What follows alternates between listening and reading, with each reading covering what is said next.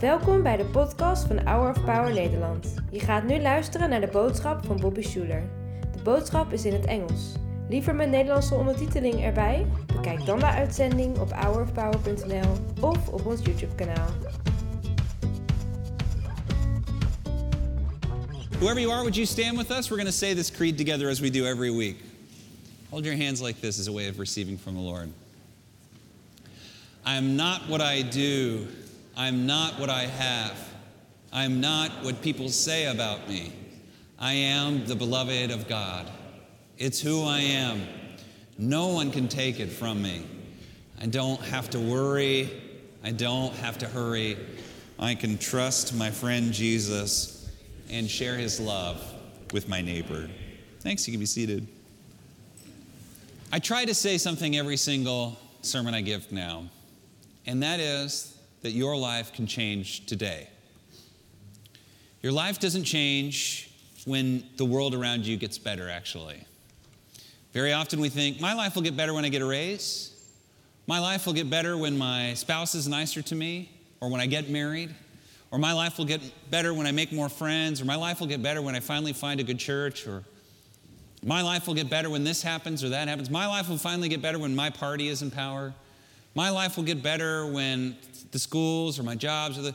Here's when life gets better. I think you know how I'm going to answer this question. Life gets better when what? When you get better. When you get better, life gets better. And that's the hardest thing to change, but it's the thing that's always available to you, and it's available today. You can have any kind of life you want if you work on you.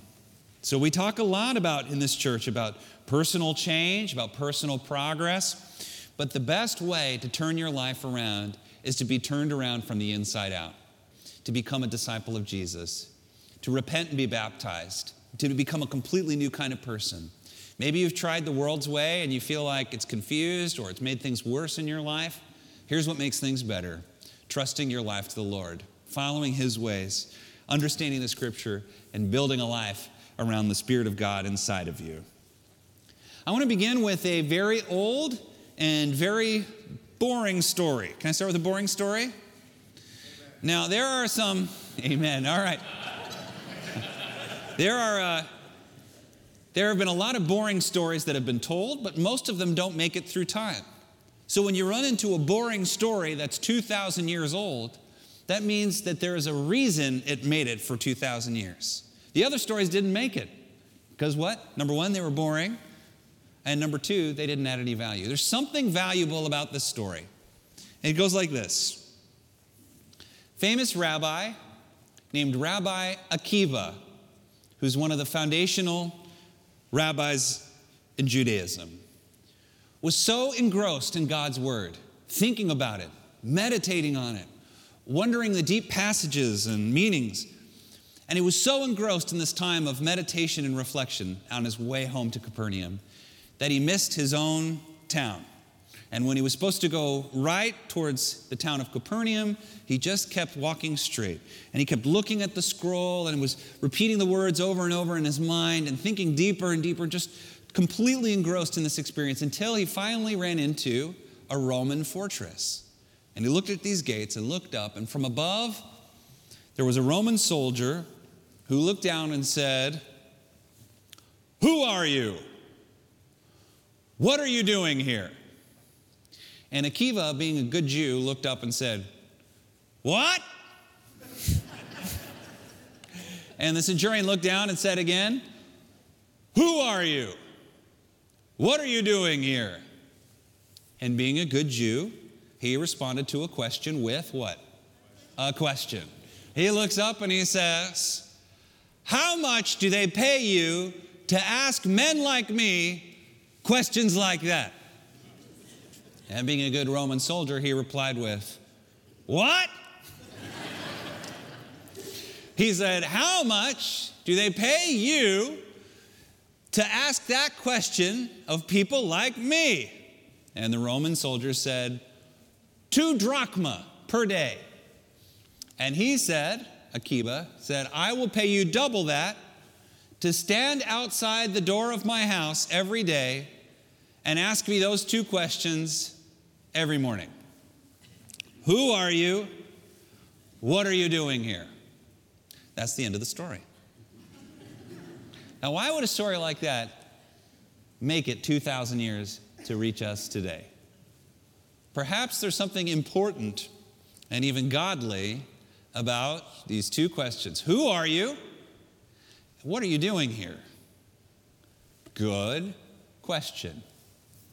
I believe that what they're asking is what is your identity and what's your life's purpose?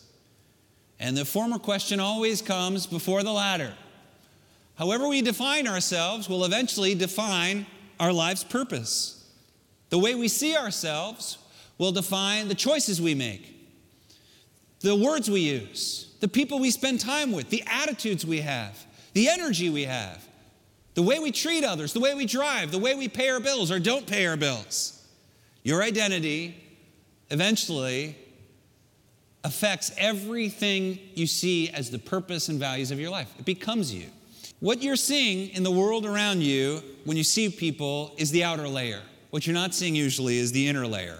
You got to be married to someone to see that thing, right? You got to really spend a lot, you got to be your best friend to see those deeper layers.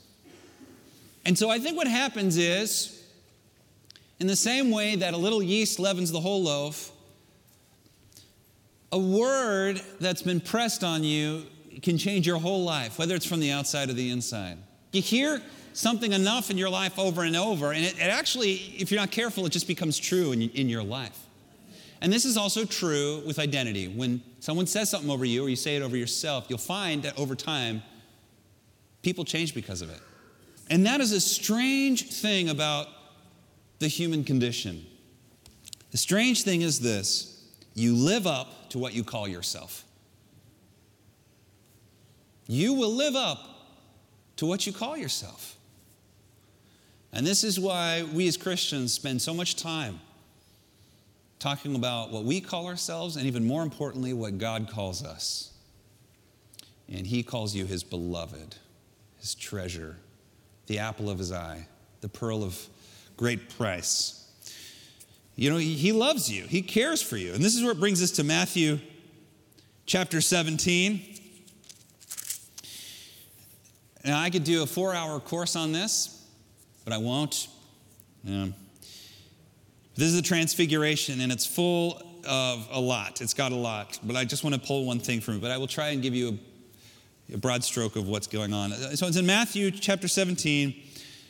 Matthew and the gospel writers are trying to show us that Jesus is a, new Moses. And they're trying to show you that the Transfiguration is a new Sinai experience. You may remember Moses goes up to Mount Sinai, he waits for six days, and on the seventh day, God shows up in a bright cloud, speaks to him, gives him the law, and Moses comes down from the mountain, shining like the sun, and has to cover his face to hide the glory. Now, look at the parallels. Matthew chapter 17, after how many days?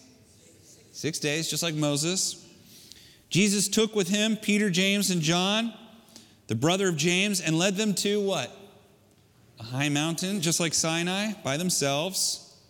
And there he was transfigured, which means he was, his, his, he was physically changed into a higher level of himself in the way that he looked. His face shone like the sun, his clothes became as white as the light. So it's just like Moses, right?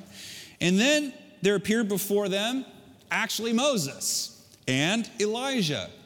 Remember, Elijah is the Bible character who actually doesn't die, and he's considered the greatest prophet carried into the sky. So Moses, Elijah, talking with Jesus. So they're chatting it up, Jesus, Moses, and Elijah, which is reinforcing this idea that Jesus fulfills both the law and the prophets.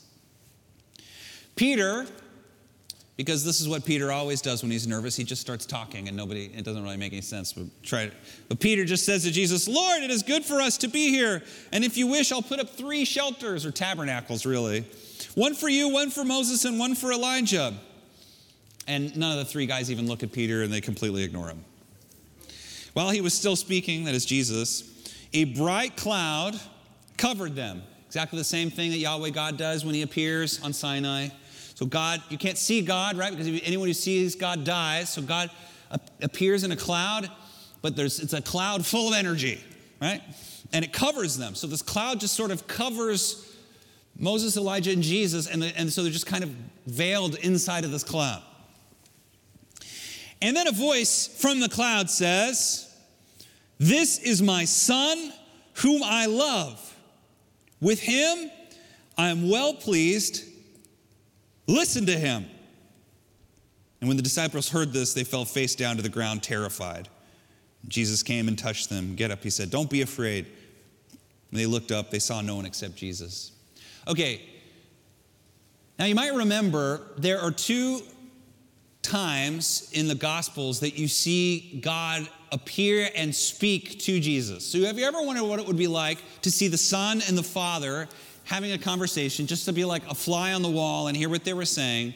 You get to do that with the scripture. And both times, this is, this is the point I want you to get. Both times when God speaks aloud to the Son in the presence of other people, the first time is when he was baptized in the Jordan River. Remember what happens? Jesus comes out of the Jordan River, and what does God say? This is my beloved Son in whom I am well pleased. Now, some time passes, they've been doing ministry, it happens again. God shows up again. What's the first thing he says? We just read it. This is my beloved Son in whom I am well pleased. Listen to him.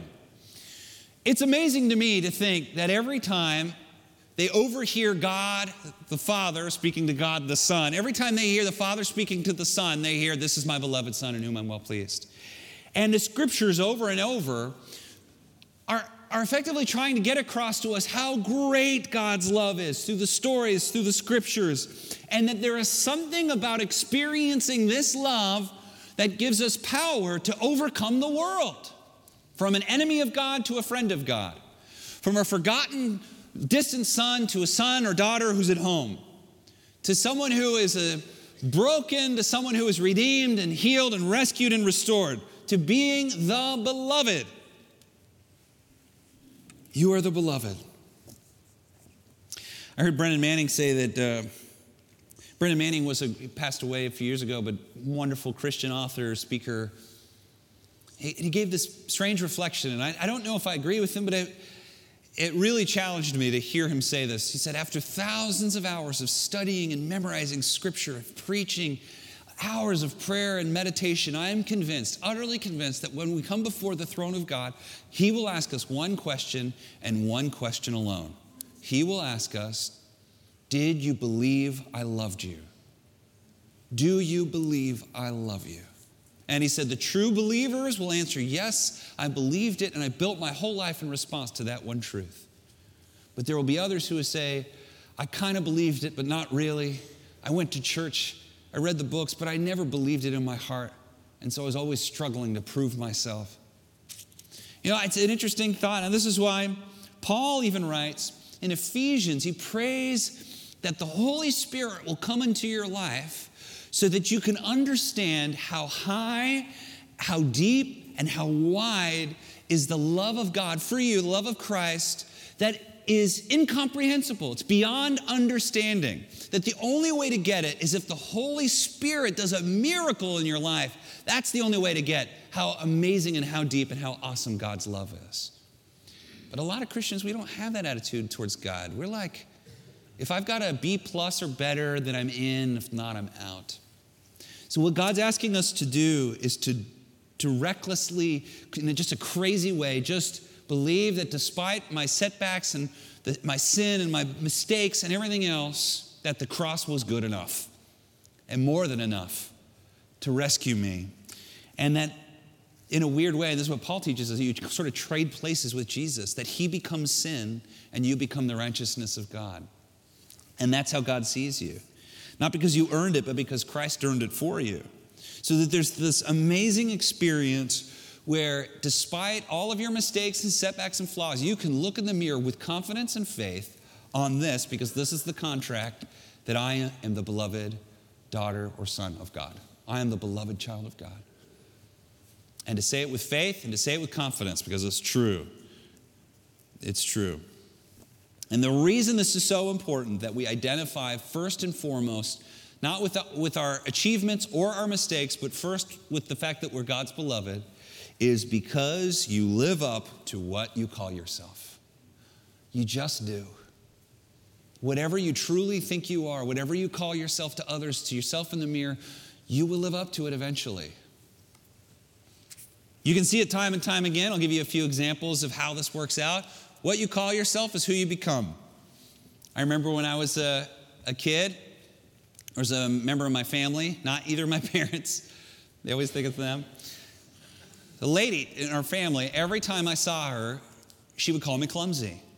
And I was not a clumsy kid. I mean, I was a kid, but I was not clumsy. But whenever I got around this woman, she would say, and laugh, and, you know, lighthearted, Bobby's so clumsy. And what would happen? I would become clumsy. And every time I saw her, even before she say anything, I think she thinks I'm clumsy.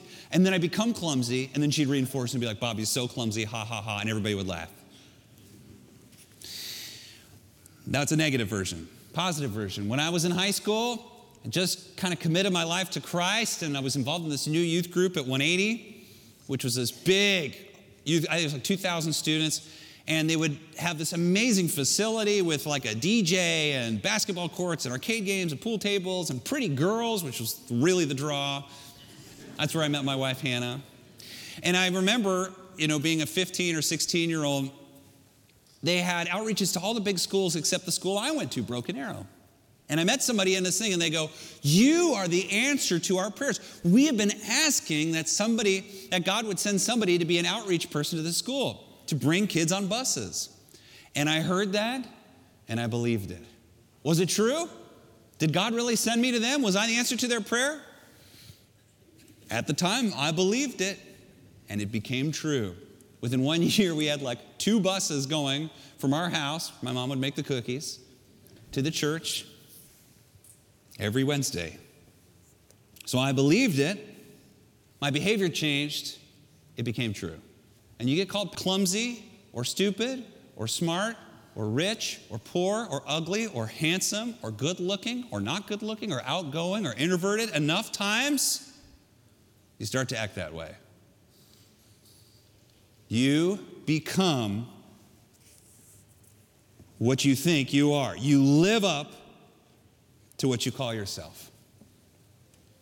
I remember my sweet cousin, she's like a little sister to me this one time, and we, and I was uh, like 21, 22. I want to say she was 19 at the time. And we, we were serving with you. I hadn't seen her forever. And I didn't know she'd gotten into some trouble. But I just recruited her to help me with the youth group in the church. And she was just growing like crazy and doing great. And then, and showing up to everything, helping out, positive attitude, love the Lord, and everything was great. One day I went outside when we were serving the church and she was smoking a cigarette. She saw me and it looked like her whole world had shattered. And she took the cigarette, threw it on the ground, and snuffed it out. And she said, Oh no, like this. And I said, I don't care if you're smoking. You're an adult. That's fine. Do what you want. I don't care if you're smoking. Who cares? And she said, Well, I didn't want you to see me smoking. And I, I, I weirdly got what she was saying, and I did not care at all. But there was, after that, she just kind of fizzled out. Like she didn't stop. It's like she stopped coming. I think about that a lot. And she's got, you know, she was did great later in life. But I just remember this moment, you know, when you're switching that weird period from being a teen to an adult, something about, I think she thought I saw her different and I didn't. But somehow that caused her to see herself different in a, in a way, maybe. And so she, she just stopped coming. That is the number one reason, by the way, most people stop going to church. The number one reason people go to church is because they have something in their life they're embarrassed about, or a sin, or the divorce, or a break, you know, bad, whatever, something. It's weird. The studies have been shown this is the main reason people stop going. But the funny thing is, like, if you're going to stop going, like, that's the main reason you should go, right? Is when you're your lowest. Whenever you have your worst day, come to church. Let me give you a hug. Whenever you're having a worst day, turn our power on and watch us. That's the best time to draw close to the Lord, is when you feel the farthest from Him, when you feel like you don't believe in Him, when you have the biggest doubts, when you fall off the wagon, whatever it is. If it ever happens, you just come here. We love you just as you are, and so does God. That's the best time to be in church. There is so much power in this room. Unbelievable. unbelievable power in this room to change the world. But it's our gloom, our fear, our religiosity and legalism, our propriety, and a host of other things that keep us from really living out this idea that we are God's beloved creatures, full of His power, full of miracle working power, full of the ability to convince people, to, to lead, to, to transform. So I want you to cancel those assignments in your life. There are assignments over you, just cancel them. You don't have to agree with or believe the things that people have said over you, including what you've said over yourself. Just cancel it. People have called you sickly, cancel that. People have said that you're an indignant, offended, angry person, cancel it. People say that you're stupid or dr- you're a drunk or you're going nowhere or you're a dreamer, cancel it. Cancel it. You decide for yourself who you are, and you decide for yourself based on the scripture who God says you are. You are beloved, you're the favorite, you're above and not beneath, the head and not the tail. You can make of your life anything you want to do with your life. Don't let other people decide who you're going to be. You decide for yourself based on this word, and you'll, you'll live a great life. You got to believe, and you got to get out of the boat. You got to get an identity that's from God and act as though it's true. When you get this image of who you believe God see, sees you to be and wants you to be, act as though it's true. Read the books you would read if you were really that person. Listen to the music. Dress the way. Use the language. Use the body posture that the person you want to be would use. You know, Hannah, my wife, every morning when she gets up in the morning, the first thing she does before she brushes her teeth or goes to the restroom or anything, boom, hands go in the air and she just thanks the Lord for another day of being alive. That's not a bad thing to do. That's a good posture, don't you think? What kind of posture would you have if you really were a living embodiment of God's power, life, and love? You are. You are. You got to let it loose. What kind of friends would you have? How would you spend your time? And just start doing it that way. And your life will never be the same. Because you live up to what you call yourself. You live up to what you call yourself. And you know what you, should, what you can call yourself, what I call you, and what God calls you? You're an unceasing spiritual being with a divine destiny in God's great universe, full of power, full of life, full of possibilities. You are His beloved. Let that be your identity. Amen? So we thank you, Lord. We bless your name. We bless the name of the Lord. Thank you that you saved us and rescued us. Thank you that we can live for you. We pray in Jesus' name for total transformation. We pray that your word would be a light into our path and a lamp unto our feet, would show us where to go and who to be. We trust in it and we thank you. It's in Jesus' name we pray. All God's people said, Amen. Would you stand with me? Bedankt voor het luisteren naar de podcast van deze week. We hopen dat deze boodschap jou heeft bemoedigd. Wil je meer weten over Hour of Power of dagelijkse bemoedigingen ontvangen? Ga dan naar www.hourofpower.nl.